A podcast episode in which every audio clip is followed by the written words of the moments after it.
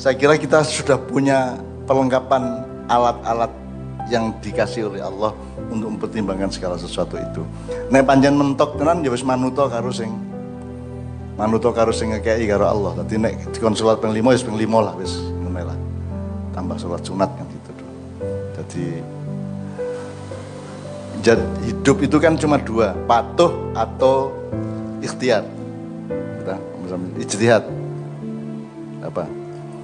Jadi Anda cari sendiri, tanggung jawab sendiri, nanggung sendiri atau Anda dicarikan tapi yang mencarikan Anda ikut tanggung jawab, kan begitu kan? Jadi kalau Allah sudah memberi petunjuk kepada Anda, jangan lupa Allah bertanggung jawab terhadap petunjuknya kepadamu, kan gitu. Nah, kalau kita tidak mau menuruti petunjuk Allah, berarti kita juga meremehkan bahwa Allah itu melindungi melindungi kita dalam hubungannya dengan petunjuk yang dikasih ke kita itu. Gitu, gitu Mas kira-kira ojo nesu Mas ya. Ya pancen urip menunggu cen angel. Urip iki gampang-gampang angel, angel, angel gampang. Gitu kan. Kadang-kadang ketok ya angel tapi geledek gampang, kadang-kadang ketok gampang tapi wangel karo-karuan ya ono. Memang memang itulah dinamika itulah romantika hidup kan gitu. Memang begitulah asiknya di situ. Dan makanya dan itu manusia Mas yang yang dikasih begitu cuma manusia. Kalau malaikat enggak. Malaikat langsung malaikat itu pokoknya dikotomis. Ya ireng putih titik iki elek iki apik titik yang yang baik pun langsung sudah diregulasi oleh Allah. Ma, malaikatnya tidak perlu memproses kan begitu. Betul. Tidak perlu pokoknya sudah pasti baik. Kalau setan iblis pasti buruk kan gitu. Kalau manusia di antara keduanya maka manusia adalah makhluk yang aksani takwim itu artinya dia yang paling lengkap. Di dalam dirimu itu ada binatang. Di dalam dirimu ada peceren. Di jerone hatimu ku yono ya jumblun barang yono ya, ya di jerone awakmu ku ono malaikate ono setane ono iblise ono semua makhluk Allah yang lain ada pada diri manusia. Bahkan Allah sendiri ada di dalam iya. diri manusia. Ya ada hati asa antakrahu syai'an wa huwa khairun lakum wa asa antuhibu syai'an wa huwa syarrul lakum itu ya Nah itu saya kira problem rutinnya manusia di segala zaman. Allah mengatakan apa yang kamu pikir buruk itu jangan-jangan itu yang baik untukmu dan apa yang kamu pikir baik ternyata itu buruk bagimu. Itulah sebabnya kita istikharah mas. Itulah sebabnya kita harus terikat mengikatkan diri mengikatkan mengikatkan diri terus kepada wa tasim billah itu ya. Maka kita gandolan Gusti Allah terus itu karena kita itu ilmu ini terbatas ketok api tapi ternyata elek ketok elek ternyata api asa antu krihu syai'an wa khairul lakum wa asa antu hibbu syai'an wa huwa syarrul lakum. Nah, karena manusia hidup di dalam dinamika atau ketidakmenentuan di wilayah abu-abu nek cara modern ya, di daerah abu-abu, maka kita membutuhkan kejelasan mengenai hitam, kejelasan mengenai putih. Itulah sebabnya kita bergerak dari abu-abu ke hitam atau putih itu dituntun minta dituntun oleh Allah karena Allah yang maha tahu mana yang baik mana yang buruk untuk kita. Nah kalau sudah dituntun ya gelemo menurut saya gitu ya ya. Iya. Ya ikut aja. Iya dan banyak masalah manusia itu dari di situ sebetulnya. Mas saya ya. ketika saya tamat SMA itu Cak Fuad itu tamat IAIN, Cak Mif itu berhenti kuliah di Fakultas Farmasi UGM, kakak saya yang nomor dua. Ayah saya meninggal dalam keadaan punya hutang sangat banyak sekali, ibu saya setengah mati, rumah kita dijual, kayu dijual, meja kursi dijual, dipan dijual, sampai tidak punya apa-apa sama sekali. Kami 15 bersaudara, adik saya Cak Nas sama Cak Dil berhenti sekolah hari itu juga. Saya juga tidak meneruskan kuliah di Fakultas Ekonomi UGM karena kami sangat-sangat miskin. Kalau pakai pikiran manusia, 15 orang bersaudara ini harus hari itu juga cari kerjaan, terus dikumpulkan uangnya untuk nyaur hutang karena hutangnya itu ada yang ketika itu jutaan, ada yang ratusan ribu, ada yang puluhan ribu. Jadi tidak terjangkau oleh kami. Nah, apakah lantas kami 15 orang ini terus nyambut gawe di perusahaan Bobi? Ternyata enggak juga. Pokoknya saya, kakak saya, Camif, ada saya melakukan apa yang kami mampu lakukan itu dok. Aku gak terus nyambut gawe di perusahaan apa yoga, aku terus nulis gitu. Sampai akhirnya Allah membuktikan bahwa jalan untuk bisa membayar hutangnya ayah almarhum itu sangat banyak bagi Allah. Kalau Allah mau itu kalam bil basar. Apa? Hada apa mudah bagi Allah apa? Ya, ya seperti ayinun, ayinun. Wa ma huwa alaihi bi Inna inna dzalika 'ala Allah. Itu ya. Itu bagi Allah mudah. Itu kata-kata Allah kepada Siti Maryam gitu ya ketika malaikat menyampaikan bahwa Siti Maryam itu akan punya anak meskipun nggak punya suami. Siti Maryam mana bisa saya akan punya anak wong saya nggak punya suami. Nah maka malaikat berkata itu bagi Tuhan sangat mudah. Gitu. Kan gitu. Ya. Jadi kita sebenarnya sudah punya wacana-wacana dari zaman para nabi dan seterusnya. Jadi awakmu nek masalah iku golek ono kira-kira cocok iku karo nabi sapa. Misalnya ono sing wong sing dikurung oleh masalah sampai pengap sampai kayak sopo apa wis gelebak-gelebek tok iku maka katakanlah itu seperti Nabi Yunus di dalam ikan sudah tidak bisa apa-apa kecuali wiritan dan la ilaha illa anta subhanaka inni kuntu minadz misalnya gitu ya.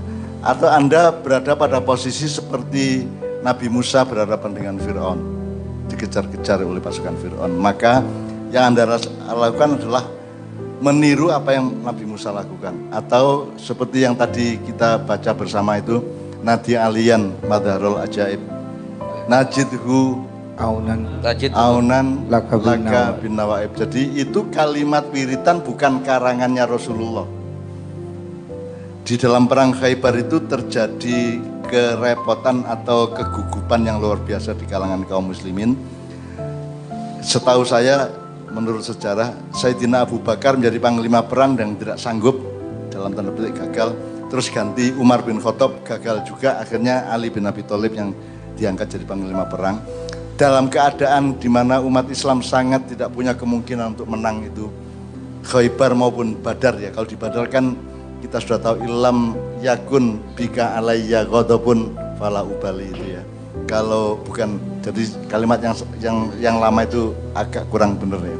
Yang benar ilam, ilam yakun bika alayya alayya pun pala ubal. Jadi nek wis kepuepet nemen wis pun monggo Gusti pun monggo. Pun kula oleh sinten mohon purun kula sampean kei nasib napa mohon kula purun pun kula ikhlas pun pasrah bongkoan sing penting sampean pun muring-muring ten kula. Angger Gusti Allah gak muring-muring nang aku wis tak terima wis. Wis tak terima-terima no. Nah, kalau Nadi Alian itu adalah Allah ngasih ke Nabi Muhammad melalui malaikat Jibril kalimat Nadi Alian Madarul Ajaib itu ya Najidu aunan laka bin nawaib fi kulli ghammin wa hamin layan jal bi wilayatika ya Ali ya Ali. Ya. Nah Pak Muzamil saya mohon konfirmasi. Kal kalimat ini kan yang harus Anda ketahui ini bukan karangan manusia bahkan bukan karangan Rasulullah.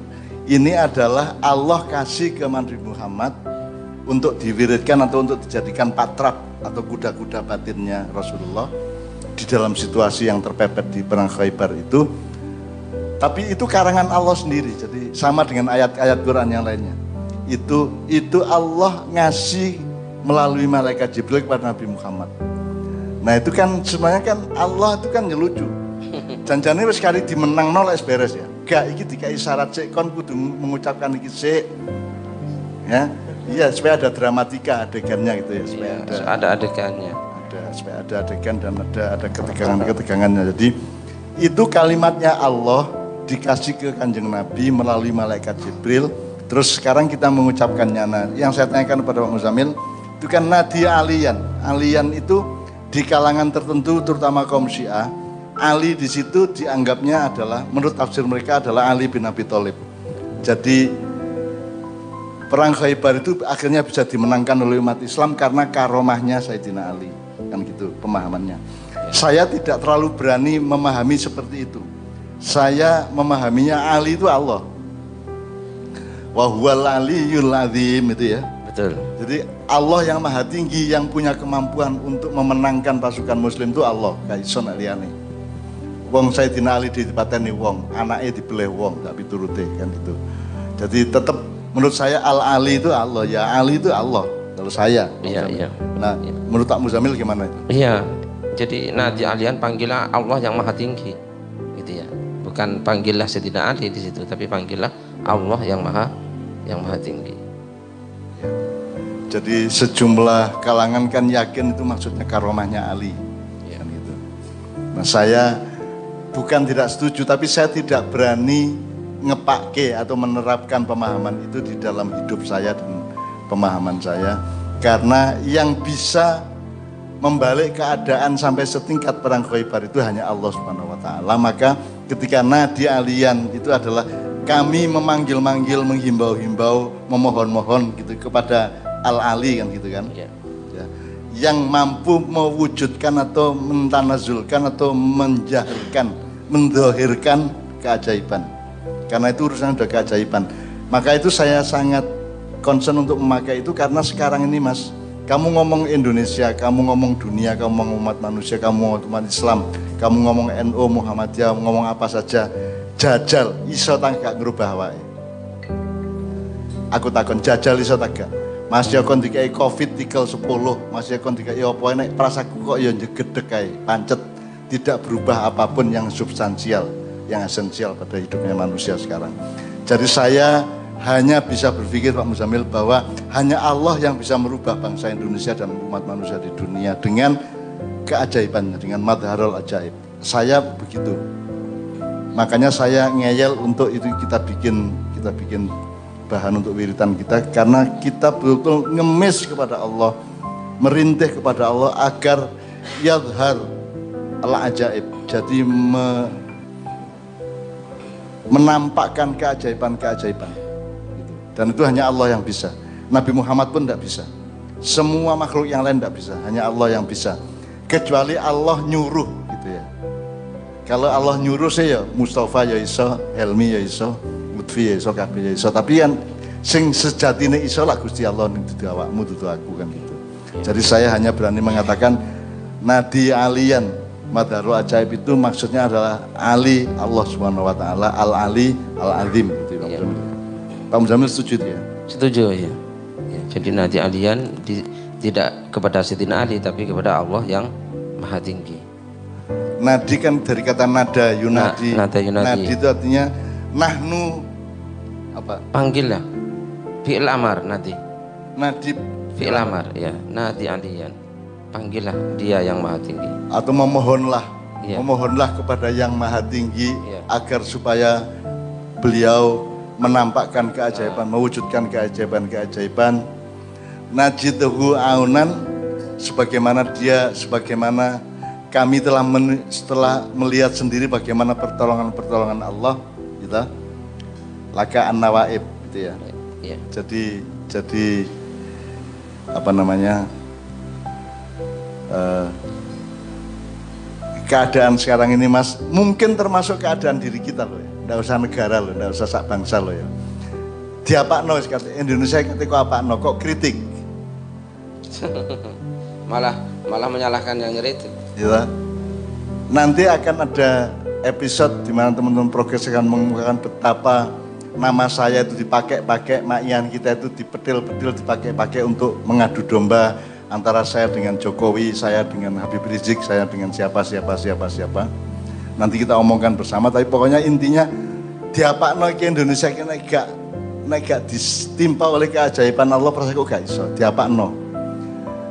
Sawaun alaihim a'anda taum amlam tundirhum la yu'minun. Sama saja bagi mereka kamu kasih peringatan atau tidak. Peringatan bisa kasih tahu informasi bisa kritik bisa gugatan bisa tuntutan segala macam ya tapi kan sawaun alaihim sama aja. Wis gak iso diapa-apa no mas hanya karena apa? Karena khotamallahu ala qulubihim wa ala sam'ihim wa ala absarihim gishawa. Karena sudah ditutup oleh Allah khotamallahu ala qulub hati mereka wa sam'ihim pendengaran mereka dan penglihatan mereka. Ya. Ada tutupnya, hishawa. Sudah ditutupi masih di, di bunteti wis dibunteti karo Gusti Allah. Bayang nek sing bunteti aku lah ya gampang dibocon tapi sing bunteti Gusti Allah katanya lapo kan? Ya wis dibunteti karo buntet wis. Bangsa Indonesia sak dunia ki buntet. Sekarang anda kan langganan IndiHome ya.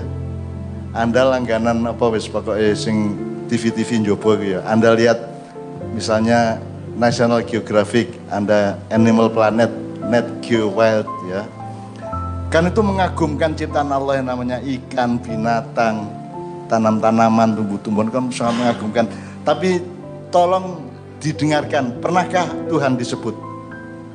Pernahkah ada kalimat yang mencerminkan kesadaran bahwa pengetahuan bahwa itu semua ada yang menciptakan? Saya belum pernah. Mungkin ada tapi saya belum pernah mendengar bahwa dalam narasi tentang film-film yang menyangkut binatang, fauna dan flora itu ada ingatan, tidak usah kesadaran, ingatan bahwa Allah yang menciptakan.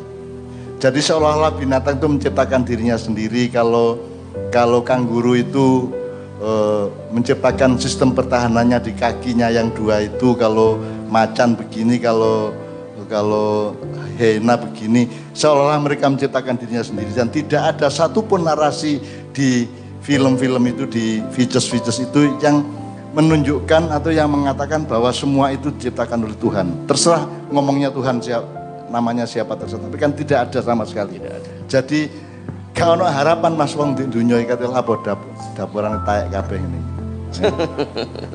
itu yang saya omongkan itu semua yang mengagumkan dari alam dan yang men, yang sangat dahsyat dan sangat mentakjubkan itu kan tidak dengan ingatan bahwa itu diciptakan oleh Allah kan tidak ada mas. Lo terus mau selamat. Nah aku Gusti Allah ya tak gejroh ndase ya. tak gejroh tak banting di tembok ngono nyi cangkeme nyile cangkemmu ini tak sabet nanti cagak. Nek jare kartola ngono ya.